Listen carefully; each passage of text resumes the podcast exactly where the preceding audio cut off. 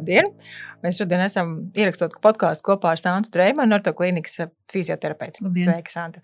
Un runāsim mēs par mugurkaulu, muguras sāpēm, muguras problēmām un to, cik daudz vai kurā situācijās un vispār kā var līdzēt fizioterapeits. Es varbūt izstāstīšu tādu, es nezinu, vai to var saukt par mītu, bet manā pieredzē ir vairāk paziņas, kuriem ir bijušas, nu, acīm redzam, diezgan nopietnas mugurkaula problēmas, un viņi ir Viņi mugurkaula ķirurgi ir teikuši, ka visi vairāk mugurkaula ķirurgi ir jāoperē. Viņi negribot maksimāli cenšoties no tā izvairīties, ir meklējuši tos variantus, atraduši fizioterapeitus. Un tad eh, palicis tas, nu, kā tiem cilvēkiem tās lietas ir atrisināta, vai vismaz daļai atrisināta nesāpuma, var dzīvot, un daudz gadi pagājuši. Un, protams, ka palicis tā sajūta, ka fizioterapeits ir dievs, kurš principā izglāb no ķirurģijas.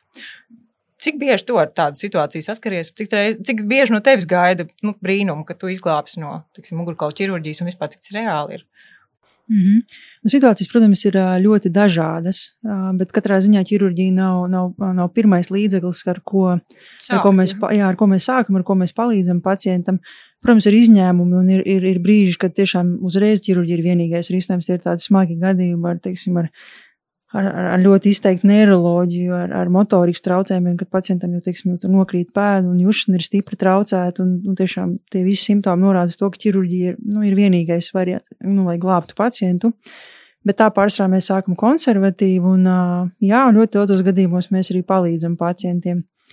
Ļoti daudz kas ir atkarīgs no paša pacienta, no līdzestības, no, no, no, no gatavības iesaistīties. Ja arī fizioterapeits nav dievs, kā, kā jūs minējāt. Tas priekšsats, jā. Jā, katrā ziņā pacienti gaida ātrus risinājumus visbiežāk, tāpēc domāju arī, ka fizioterapija, fizioterapija ir ilgtermiņa risinājums ar ļoti lielu pacientu individuālo iesaisti. Tajos gadījumos, kur tā notiek, pārsvarā rezultāti tiešām ir labi un neizpaliek. Kad apmēram var sākt gaidīt? Mums viss ir kad, cikos, un cik ilgi jāgaida. Kad apmēram sāk parādīties kaut kas? Vai tas atkal ir ļoti atkarīgs no diagnozes? Kad vispār Jā, tas ļoti just, individuāli. Ir, jo, jo cilvēkam ilgāk ir sāpējusi mugura, nu, to pašu muguras jostas daļu, kur visbiežāk sūdzās, jo arī rezultāts nebūs tik ātrs. Jo akūtāk ir situācija pēc būtības, ja vien tā nav ļoti, ļoti smaga, teiksim, diska trūce, ar, nu, kā jau minēju, sākumā ar ļoti izteiktiem simptomiem, ļoti faktiski ātrāk var cilvēkam palīdzēt. Tāpēc mans ieteikums ir neielaist savas kaitas, nedomāt, nu, pasāpēs gan jau pāries. Labāk ir laicīgi meklēt palīdzību, un tad arī viss tas process ir ātrāk, arī mazāks izmaksas. Ir cilvēks var ātrāk atgriezties ikdienas aktivitātēs, un tas viss tā kā roku roku saistīts. Tu sāki minēt, laikam, ka tās vispār, laikam, jostas daļa ir tā biežākā, kur, kur tās rodzības rodās. Tā ir mugurkauls jostas daļa, tas, kur jā, jostas daļa ir visbiežākais. Uh, Tāpēc, ka ikdienā mēs visi kaut ko paceļam, kaut ko pagrūžam, ar rotācijām paceļam. Tagad arī dārza darbi sākās, cilvēki sāka rušināties, celt kaut kādus smagumus pa dārzu, rotēt, grābt lapas, rakt, kaut ko uzrakt, pļaut, ziemā sniegu šķūrē. Ja, tas ir klasiskās lietas, un ņemot vērā, ka mūsdienu cilvēks tomēr vairāk ir sēdošs šobrīd, arī ar visu pandēmijas laiku, kur zināmā mērā cilvēks pat tā kā, ja var teikt, noturē daļēji mājas sēdē. Mm, tas arī, viss, protams, ietekmē. Arvien vairāk paliek arī faktiski kakla daļas problēmas, savilkti pleci, galvas sāpes no tā, ka tieši tā ergonomija mājas apstākļos strādājot daudziem ir. Teiksim, nav atbilstoša. Mm -hmm. Tā ir diezgan liela problēma šobrīd, tieši pandēmijas laikā. To daudz pacientu. Jā, tā. jā, ir tāds pieplūdums. Par tām diagnozēm, varbūt, kas ir tās, ar ko tu, varbūt, kur jau sākās diagnoze, kas ir tas, ar ko tu saskaries biežāk? Nu, tā arī ir, teiksim, ja runā, nu, mugurkaula trūce diska, ja tas ir viens. Tur parasti jau tad, cilvēks ir bijis jau visbiežāk pie vertebrologa mūsu klīnikā, pie doktora Rukavala Gulbja, un diagnoze ir uzstādīta, apstiprināta. Un, attiecīgi, tur jau doktors ir rīkojies, vai nu ir bijis kaut kāda medikamentozā terapija, varbūt ir bijušas blokādes. Ļoti bieži sākumā tad vienkārši jāatbūt no tās akūtās sāpes. Ir. Tāpat ir diezgan bieži locīto problēmas, ja tā saucamās fasešu sāpes, gan jostas daļā, gan kakla daļā. Tur atkal vairāk ir mūsu fizioterapeita darbs, kur mēs tiešām varam palīdzēt. Muskuļu, muskuļu sāpes ļoti bieži ir savilkta muskultūra, kas kombinējas ar tām pašām locītavu sāpēm. Tas ir arī mugurkaulam, tur arī muskuļi var sāpēt. Jā, jā. protams, jā, apkārt mugurkaulam mums ļoti daudz ir muskuļu. Kas viņam sāp, sāp mugura? Jā, tā jau arī visbiežāk ir, un pēc būtības jau cilvēkam nevajadzētu zināt, vai viņam sāp muskuļi vai locītavas, tas ir mūsu darbs un ārstu darbs, tā kā to diagnosticēt un attiecīgi arī iedarboties. Un, Un arī ārsts, viņš jau arī, teiksim, tajā brīdī, kad viņš saprot, ka šeit viņam viņš nevar daudz palīdzēt, ka tur ir vajadzīga fizioterapija, tad tas pacients nokļūst pie mums un mēs ar viņu strādājam. Jā. Ļoti bieži ir vienkārši arī saucamais tāds jā, kā tu pareizi saki, teiksim, nu jā, kad vienkārši ir savilkta muskultūra, tādās akūtās situācijās cilvēkam bieži saķer muguru, tad ļoti asas spazmas ir. Nu, tad arī vienmēr pirmā palīdzība ir, tad doktors iedod zāles, kāds miera periods, procedūras ļoti bieži fizikālās, un tad mēs sākam vingrot. Jā, tad, kad ir akūtā sāpes, vienmēr ir sāku sāpes, tā kā jākupē, jāatbūt iekaisums lejā. Tajā brīdī tad, nevajag vingrot, kad ir sāpes, nu, tāds izteikts un spējas. Izteikta vingrošana tajā brīdī nenotiek. Jā, pārsvarā tās pirmās divas nedēļas, 14 dienas ir, ir nosacīts miera režīms. Ja ir nonācis pie fizioterapeita cilvēks jau tajā laikā, tad tās aktivitātes ir tikai, lai uzlabotu vielmaiņu apasiņošanu, lai, lai atbalstītu tādu tā kā audu iekaisuma dzīšanu tādā veidā. No nu, malas izstāsta, ka fizioterapija tā ir tikai vingrošana, bet es saprotu, ka tas ir tikai tāds ļoti šaurs, nu, tas priekšstats. Kas īsti notiek fizioterapijā? Kas tur vispār, kas tiek darīts, uz ko, uz ko iedarbojās, ko tur mm stiprina, kur ir tā doma visam tam procesam? Jā, mums tā kā nedaudz varbūt ir saglabājies tas padomu mantojums, tas sauc maļi čebņēja fiskultūra, kad tikai jā, jā. visu salika varbūt spaklāņi, un mēs tur cilājām rokas un kājas. Kaut kur daļēji tas, protams, arī šajā kā, mūsdienu fizioterapijā saglabājas tādā akūtā posmā, tad, kad tiešām cilvēkam ir bijušas tās akūtās sāpes, un mēs tikko, tikko esam no viņām tikuši vaļā un uzsākam to vingrošanu. Un arī ar noteikumi, ja cilvēks, tiksim, ja tā muskultūra ir vāja, tad mēs vairāk esam uz tā paklāja, horizontālā veidā iemācāmies aktivizēt dziļo muskultūru, gan, gan vēdera dziļo, gan muguras dziļo muskultūru. Tas ir ļoti būtiski. Un tālāk jau pēc tam ir svarīgi, lai tā rehabilitācija kļūst funkcionāla. Ko tas nozīmē, ka mēs pielāgojamies ikdienas dzīvē, jo ko mēs visi arī darām ikdienā. Mēs ceļam kaut kādus smagumus, mēs ar, ar priekšmetiem rotējam, jā, mājās kaut kādā elementāri mazgājam grīdas, tīram plauktus, logus, dārzi un vispārējais ļoti funkcionāls kustības, viss ķermenis strādā. Un tāpēc ir svarīgi, ka tā Rehabilitācija kļūst pēc iespējas ātrāk funkcionāla. Tas ir ļoti tas būtiski. Tas nozīmē, tas nozīmē to, ka uh, mēs neguļam teiksim, pusgadu tikai uz paklājiņu un, un neceļam kājas un rokas. Mēs, mēs pārējām teiksim, sākumā no guļas teiksim, uz, uz izjaukta ceļa stāja. Nu, fizioterapeits sapratīs, jā, un lēnām ceļamies kājās, vertikalizējamies un, un jau vingrojam ar savu korpusu, jau, jau, jau stāvus pozīcijā, funkcionālās pozīcijās, iesaistot muguru, kājas, rotācijas, rumpi, visu tā kā kopā. Jā. Nu, protams, es tagad tā globāli stāstu, bet, bet, bet tā tās problēma ir tā, tās tas ceļš arī ir, jā, teiksim, jā. tā kā no guļas mums jātiek stāvus, ir pēc iespējas ātrāk funkcionālāk, jā. Jo, kā mēs sakam, pacients var būt paklājiņa čempions, Mm -hmm. Kad viņš piecelsies vertikāli un viņam būs jāiet darīt kaut kas mājās, un viņš nebūs pielāgojies tajā slodzē, viņam nesanāks, viņam atkal sāks sāpēt. Jā, jā. tās struktūras jāpielāgo attiecīgai slodzē. Īpaši, ja cilvēks strādā smagu fizisku darbu, jā, kaut vai tie paši dārznieki nereti ir visādas profesijas celtnieki, ir, jā, kas pārpūlās. Un, Arī ārsti, starp citu, tagad šajā laikā, kur daudz nāk uz kājām un celt un grozīt ļoti bieži arī. Jā, es varbūt gribēju pasīt par tādu ļoti klasisku lietu par diska trūci tas ir tāds, beigais, nu, tāds ļoti bieži cilvēkiem ir, tad ir tas jautājums, operēt, neoperēt, cik daudz var fizioterapeits un kur ir tā robeža. Fizioterapeits var īstenībā ļoti daudz, jo nu, klasiski diska trūci pacientiem fiziski aktīvajiem, tie aktīvajā darbā. Dzīves tajā posmā, 20 līdz 50 gadi, tas ir tas posms. Protams, gadās arī vecākiem cilvēkiem, bet tas vairs nav tik, tik izteikti. Nu, tad līdz ar to tam cilvēkam ir augsts prasības pret dzīvi. Viņš, viņš grib atgriezties savos sporta veidos, savos hobijos un tā tālāk. Jā, tad ir tas jautājums, operēt vai neoperēt. Kā jūs minējāt, tad visticamāk pacients ar diska trūci, ar tādu ļoti izteiktu simptomātiku, būs nonācis pie mugurkaula ķirurga vispirms. Un tad jau ārsts izsver, jo principā tas ir tas viņa, viņa lauks, kur viņš izsver, cik viņa ir liela, cik viņa ļoti nospiež tās neirālās struktūras, kādi var kāds var būt sekas, ja viņa netiks operēta. Ārsts, mugurkaula ķirurgs ir tas, kurš, teiksim, primāri izsver. Un, ja viņš redz, un tā jau ir mūsdienās, ir, ka maksimāli jau cenšas konservatīvi ārstēt. Jā, neviens ārsts faktiski labprātīgi negrib iejaukties tajā dabiskajā mūsu, mūsu ķermenī. Jā, tāds tiešām ir. Un kā rāda pētījumi, tad apmēram divus gadus pēc arī diska trūcēm, tad, tad pacientiem faktiski nav atšķirības, vai viņš ir konservatīvi ārstēts. Ja viņš ir varējis tikt ārstēts konservatīvi vai pēc operācijas, tad divu mm. gadu laikā faktiski tas izlīdzinās. Un tie ir pētījumi, tā jau ir zinātne. Bet tas atkal ir pie noteikuma, ja tiešām tam pacientam nav jāoperē. Jā. A, kas ir tas, ko, tas, ko fizioterapeits vai, vai ko, ko jūs kopā ar pacientu izdarat, lai tā diska trūcis netraucētu? Mm -hmm. Ko jūs tur iekšā izdarat? Jā, tad, tad jāsaprot ir pacientiem tas, ka diska trūcis, ja viņi jau ir notikusi, jā, tad, teiksim, tas, tas disks gredzenveids ir, ir plīsis, tā žēlēja, teiksim, ir izlīdājis ārā, un viņa kairina tās nervu struktūras, viņa nekad vairs neielīdīs atpakaļ. Tas ir jāsaprot, teiksim, tie, kas sola, kad ar manuālo terapiju var kaut ko tur iestumt atpakaļ vai ierakšķināt atpakaļ, nē, tās, tās tiešām būs muļķības muļķības tā nenotiek. Tas, kas notiek, ķermenis viņu ļoti smuki absorbē, ja tā var teikt, tas iekaisums uzsūcas un vienkārši vairāk nekairina tās nervu struktūras. Uz tā rēķina cilvēkam viņa vairs netraucē. Un mēs fizioterapeiti ar vingrošanu nodrošinām to korseti muskuļi, kas savukārt satur kopā visu saturiski, tā kā tāda stingra, nu jā, stingra korseti faktiski.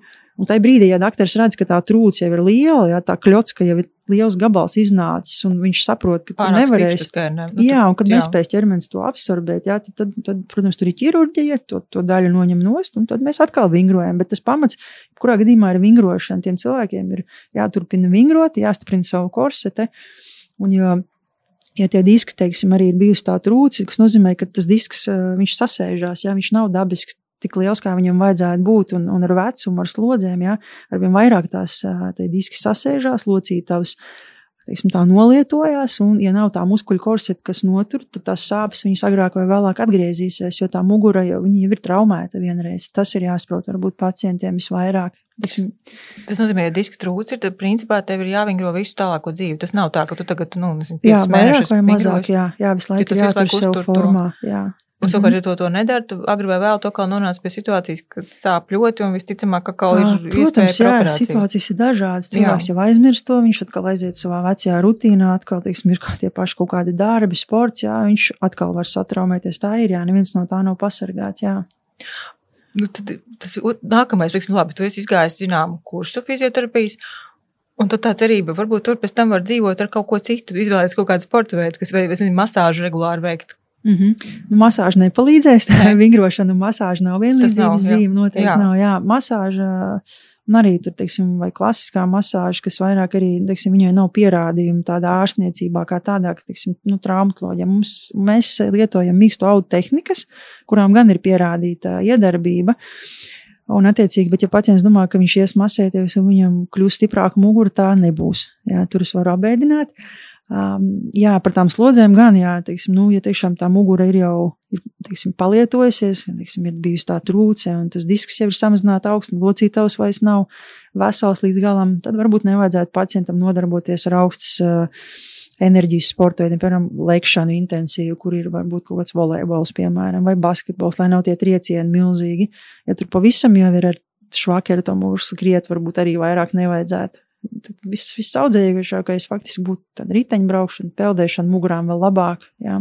Regulāra vingrošana, pastaigas, paši trekingi, nojošanas, jā, bet tur visam tomēr jābūt sagatavotībai apakšā, jeb, jebkam. Bet to var, uz to var pēc tā pāriet, pēc fizioterapijas var pāriet uz to, un tas tā kā uztur to stāvokli, jā, tomēr tā vienkārši tas, tas tā varētu būt. Jā, tas būtu jākombinē, jā, tā regulāritāte, jā. jā, teiksim, kad jau tā mugura ir savākta, un, teiksim, cilvēkam nekas vairs netraucē, viņam vienalga vajadzētu tās divas reizes, nu, ideālā variantā trīs nedēļā vingrot, bet divas, teiksim, būtu pietiekoši, un plus ir tās aktivitātes, jā, kas ir arī aerobās aktivitātes, sirds un asinsvadu sistēmā, jā, to noteikti vajadzētu kombinēt. Tā ir tas vislabākais. Tu jau pašā sākumā pieminēji to, ka tagad sākās darba, darba, dārza darba, un visticamāk tas noprovocē visādas, visādas problēmas, mm -hmm. vispār cilvēki vairāk ir ārā un vairāk visādas kustības veids. Ja jau ir kaut kādas muguras problēmas, varbūt no kurām kustībām izvairīties vai ko pārdomātāk darīt, nu kā mm -hmm. sev mhm. pasargāt no tā, ka to atkal izprovocē, varbūt nu, Mm -hmm. To, ko tu varbūt varētu neizprovocēt. Mm -hmm. Un, pirmkārt, jau jāsaprot cilvēkam, kuras tās kustības, kas provocē sāpes. Nu, tas ieteikums, protams, neejam speciāli iekšā tajās kustības, kuras sāp. Ja, nu, teiksim, ja sāp noliekšanās, nu, tad, tad saprotam, neliecamies varbūt tik tālu. Un tad arī ir jāsaprot, vai man sāp tā noliekšanās jau no paša rīta pieceļoties, un tad man viņa pāriet pa dienu, vai man, teiksim, visu dienu sāp tā noliekšanās vai man visu dienu nesāp un sāp tikai vakarā. Tas arī daudz ko mums pasaka par to, par to bojājumu, par tām struktūrām. Tur jāmāk sevi ieklausīties. Jā, noteikti, jo arī atnākot pie fizioterapeita, fizioterapeits to visu jautās. Jā. jā, bet tas mans ieteikums būtu, protams, neiet caur sāpēm. Nu, teiksim, nebūs gluži tā, ka jo vairāk darīšu, jo labāk. Tas no pain, no gain īsti nestrādā. Jā. Teiksim, ja es, bet, ja es teiksim, zinu, ok, man tur ir grābu lapas, jā, un es jūtu, ka, nu, Man ir bijušas tādas situācijas, ka šī tā mugura paliek stīvāka, bet nu, paiet diena, divas man attiek. Tas ir, tas ir normāli. Uz, uzreiz pie ārsta arī nevajag skriet. Kas tas ir? Tie, tie tad ir tie muskuļi, vai tas ir kaut, tas kaut kas varbūt dziļāks? Jā, tas var būt arī dziļāks. Jā, tāpēc saku, tas ir tā, tu, to pat fizioterapeits no malas, tā, tu tur mums baigi dziļi jāiet iekšā jau tādās niansēs. Jā, bet, nu, teiksim, kā es saku, jā, ja cilvēks jau, teiksim, gada no gada tās pašas lapas tur grāja pavasarī un zina, ok, man pēc tam divas dienas tā mugura paīd un pāriet, nu, labi, tad, tad tie varētu būt arī muskuļi, teiksim, pārāk liela slodze, un viņš paliek tāds stīvs uz divām dienām. Bet, ja tās sāpes pēc tam viņam nepāriet, vai vēl vairāk paliek stiprāks, jo tā, ka viņš tās lapas vairs, teiksim, negrāb, nu, tad būtu jāpadomā varbūt par vizīti pie fizioterapeita, pie ārsta, varbūt uzreiz vairs nevajag skriet. Ja, nu, pie ārsta tad, kad jūt, ka teiksim, tās epizodes ir tādas, kaut ko nezinu, cēlu smagu tačku ar zemi, pēkšņi paliku viss tā kā, nu, ka nevar vairs pakustēties, kad iešauj tā, ka viss, nu, tad jā, tad meklējam droši vien ārstu primāri. Ja nav ārsts, nu, tad vismaz fizioterapeitu, kurš tālāk var mēģināt. Vismaz mūsu klīnikā noteikti mēs varam arī ātrāk sarunāt vizīti tādos akūtos gadījumos. Kā tā, tiksim, kā tas cilvēks pie tevis nokļūst? Viņš var patiešo iet, man, man sāp mugura, es negribās man iet pie mugurkaula ķirurga, es patiešo iešu pie fizioterapeita, vai kā tas, vispār, kāds tas pareizais ceļš un kā tas vispār notiek? Mūsu klinikā var gan tā, gan tā. Ļoti bieži cilvēki ir ienāk no malas, kā saka, no ielas un, un grib pierakstīties. Jā, vai ir bijuši varbūt pie, pie mugurkaula ārsta citā vietā. Un mēs arī ņemam, protams, tādus pacientus. Un, uh, Jā, un tad, tad protams, fizioterapeits strādā kā, kā pirmais. Viņš ne gluži kā pirmais, citreiz arī kā pirmais, ja pacients nav bijis pie ārsta. Tajās situācijās, kad viņš nav bijis, protams, mēs arī strādājam, mēs izmeklējam.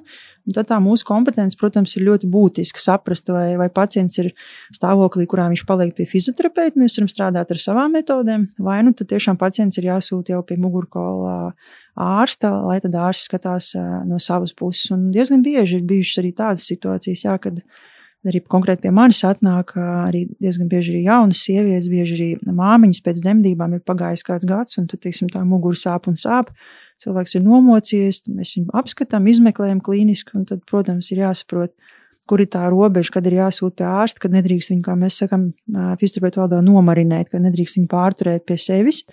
Tad var jau nodarīt jau kaitējumu. A, kas ir tā robeža? Viņa tā, tā nemaz tik populāra zinātnē nevar izstāstīt. Jā. Kā var saprast, ka nu, nu, nē, tur, tur jau ir, tā, tur jau ir tās nianses, jo fizioterapeita nianses viņam ir jāsaprot, cik, teiksim, akūti ir tā neiroloģija, kādas ir tās klīniskās izpausmes, jā, ko mēs visi testējam, refleksu, spēku, jušanu.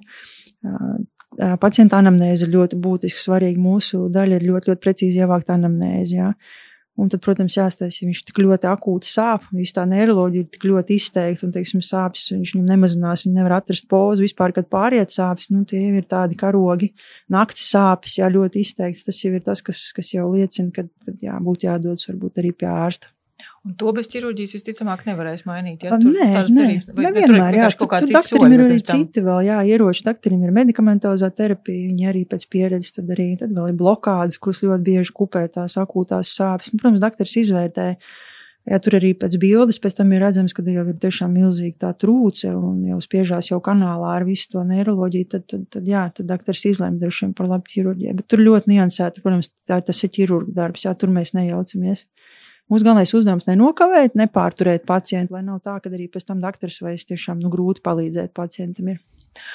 Nu, man izklausās, vispār mugurkauls un vispār šī joma izklausās, ka tur būtu ļoti jābūt arī tam fizioterapeitam, kur varbūt ka, nu, ļoti specializētam tajā lietā. Vai tā ir? Tik, ja, ja cilvēks tiksim, nenāk uz mūsu klīniku, kur acīm redzam, jūs esat ļoti katrs specializējies savā jomā, tam ir jāpievērš uzmanība, arī pie jebkura ar mugurkaulu. Ļoti jāpievērš, jo, Tomēr, jo. jā, būtu jāpievērš. Protams, fizioterapeiti, kur ir mācījušies, piemēram, manuālo terapiju, bet arī uzreiz gribu piebilst, tā nav tikai tā krikšķināšana vai krakšņāšana, ko daudz pacienti arī nu, stādās priekšā. Jā, stādās priekšā un varbūt ir piedzīvojuši arī kādās vietās, ka tā, ka tā strādā. Mēs esam mācījušies Vācijas manuālās terapijas skolā. Un, uh, tur faktiski tā manuāla terapija ir uh, saudzējoša, ja, vairāk caur mobilizācijām, tādā veidā iedarbojoties uz locītavām, uz citām struktūrām. Un, uh, ļoti būtiski ir, ka tās priekšzināšanas ir, jo tas ļoti palīdz izmeklēšanā pacientam, lai saprastu, lai diferencētu, kas tad īsti pacientam sāp. Nu, teiksim, tieši tādos brīžos, pacients atnāk bez diagnozes vēl pie mums, lai tu izšķirtu, vai tās ir locītavas, kas viņam šobrīd sāp, vai tā ir neiroloģija, ja, kas viņam šobrīd visvairāk traucē. Un tad, lai saprastu, diferencētu, tas ir ļoti būtiski, jā, tās priekšzināšanas, jo pretējā gadījumā gadījumā visbiežāk tikai, nu, saka, ar pliku vingrošanu nevar vien palīdzēt. Tomēr jāzina, ir drusku, drusku dziļāk, ir jāzina viss tā. Tā uzbūve un vispārējais. Tad jāmeklē tieši speciāli, spe, specializējies fizioterapeits. Jā, mans jomā. ieteikums tomēr būtu tāds pacientiem. Jā. Protams, ja ir tik ļoti akūta problēma, tad, tad arī jebkurš fizioterapeits varētu palīdzēt akūtajā brīdī. Jā. Nu, teiksim, Kaut vai ar to pašu teipošanu, citreiz ar procedūrām jau var palīdzēt, un kaut vai ar novirzīšanu pateikt, aiziet pie tā ārsta, piemēram. Jā, tas jau ļoti daudz palīdzētu. Jā, tad labāk ir tomēr meklēt speciālistu. Ja var, tad tas, kurš ir specializējies, ja nē, tad tomēr ejam pie speciālista paši mājās, necenšamies sevi doktorēt un īpaši ar kaut kādām nu, tādām varbūt apšaubāmām tautas metodēm, kam īsti nav zinātniski pamatojumi. Pārāk trausla, trausla lietas mugurkauls, laikam ir. Nu, tā, jā, tāpēc, ka nekad nevar jau zināt, kas tad īsti ir noticis. Jā, jā. Tur dažreiz, nu, parasti arī draugi un radi un, un ģimene un kaimiņi visi jau tikai to labāko grib. Ziniet, man bija tā, es darīju tā, man palīdzēja, bet mm -hmm. tam mhm. cilvēkam varbūt pavisam to nemaz nedrīkst darīt, viņam tikai sliktāk būs. Tāpēc jā, tā pašiem nevajadzētu jā, tā nodarboties. Saka, bet pie tevis var atnākt cilvēks vispār bez izmeklējumiem, bez nekā. To ar rokām un ar to anamnēzes ievākšanu tu, un ar to, kā viņš spēj kustēties, tu diezgan daudz jau vari noteikt. Tā ir. Jā, mums fizioterapeitiem būtu jābūt spējīgiem klīniski izmeklēt jau tādā Jā. pakāpē fi, uh, pacientu, lai mums būtu priekšstats par to, kuras struktūras uh, tad ir skārtas un bojātas. Protams, mēs nevaram to apgalvot simtprocentīgi, tāpēc uh, to var tikai pateikt teiksim, pēc magnētiskās rezonanses izmeklējuma, teiksim, mugurē vislabāk. Un tad jau tur ir tā māksla, lai saprast, vai, vai mēs varam strādāt tālāk, vai tiešām tās ir teiksim, tās pašas locītavas un kādā teiksim, fāzē, kādā, kādās. Um, kādās sūdzībās, kad mēs varam strādāt, vai tomēr ir jāsūt pie ārsta. Bet uh, tas tā ir tā, nu jā, teiksim, tā, tā ir tā pieredze, tā ir tā izglītība. Uh, un, ja tomēr nu, fizioterapeits nav pārliecināts, tad, protams, vienmēr uh, vajag sūtīt pie ārsta. Jo tā arī nebūs kļūda, ja teiksim, izmeklējot pacientu, jo jūt, kad, nu, kad īsti nesaprot, kas ir un vai tiks galā, tad nekad nebūs kļūdaini aizsūtīt pie ārsta pacientu. Nu, ko, paldies, tev liels par sarunu. Lūdzu. Paldies. Lūdzu.